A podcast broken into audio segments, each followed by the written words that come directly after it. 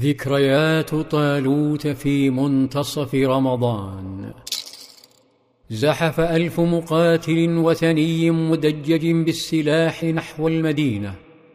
فعلم جيش النبي صلى الله عليه وسلم المتواضع. فهب لصدهم. جيش بلغ عدده الثلاثمائة وبضعة عشر. عدد قليل.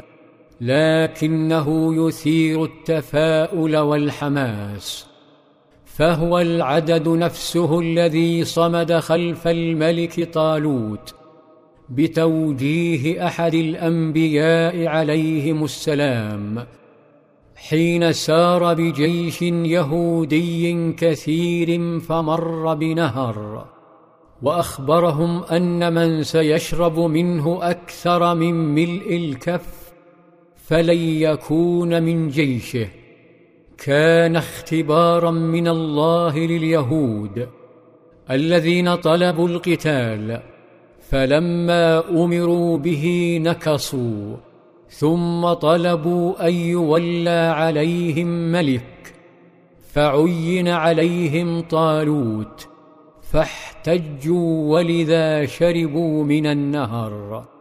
شربوا عنادا كعادتهم ولم يمتثل الأمر سوى ثلاثمائة وبضعة عشر من المؤمنين. نادى طالوت تلك القلة المؤمنة فانطلق بهم فواجهوا جيش عدوهم جالوت وانتصروا. فهل سينجح الصحابة في أول اختبار عسكري؟ الصحابة بشر وهم معذورون إن انسحبوا فما خرجوا لقتال ولا استعدوا له. خرجوا لفك الحصار عن دولتهم عل قريشا ترعوي عن غيها وتترك دولة الإسلام وشأنها. لذا كرهت قلة منهم المواجهة. فأنزل الله آيات تكشف هذا الكره المبرر. فقال سبحانه كما أخرجك ربك من بيتك بالحق وإن فريقا من المؤمنين لكارهون.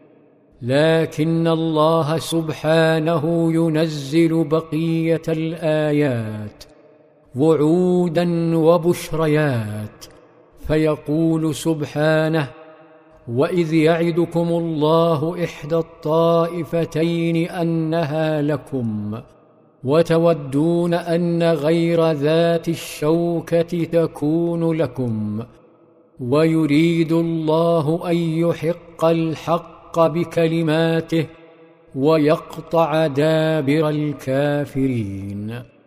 بعدها قال صلى الله عليه وسلم لرجاله سيروا على بركة الله وأبشروا فإن الله قد وعدني إحدى الطائفتين.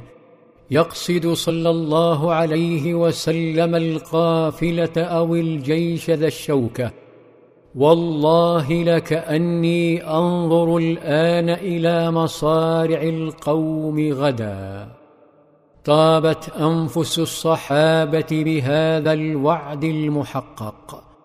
وجاءتهم الأنباء أن الوثنيين يقتربون من منطقة بدر فسبقوهم إليها وعسكروا فيها في السادس عشر من رمضان. قبل وصول المشركين وتم بناء قبة للنبي صلى الله عليه وسلم كغرفة قيادة وتم تقسيم الجيش وتحديد قادته ورماته ومراقبيه وأثناء ذلك يتهادى من بعيد شيخ كبير اسمه حسيل. يلقب باليمان وبرفقته ابنه الشاب حذيفة. قابلا نبي الله صلى الله عليه وسلم فاعلنا إسلامهما. ثم طلب الانضمام إلى الجيش. لكن النبي صلى الله عليه وسلم رفض. وطلب منهما الانصراف إلى المدينة. ترى ما الذي فعلاه حتى أمرهما بالانصراف؟ الإجابة عظيمة. عظيمة بحجم محمد صلى الله عليه وسلم ودين محمد.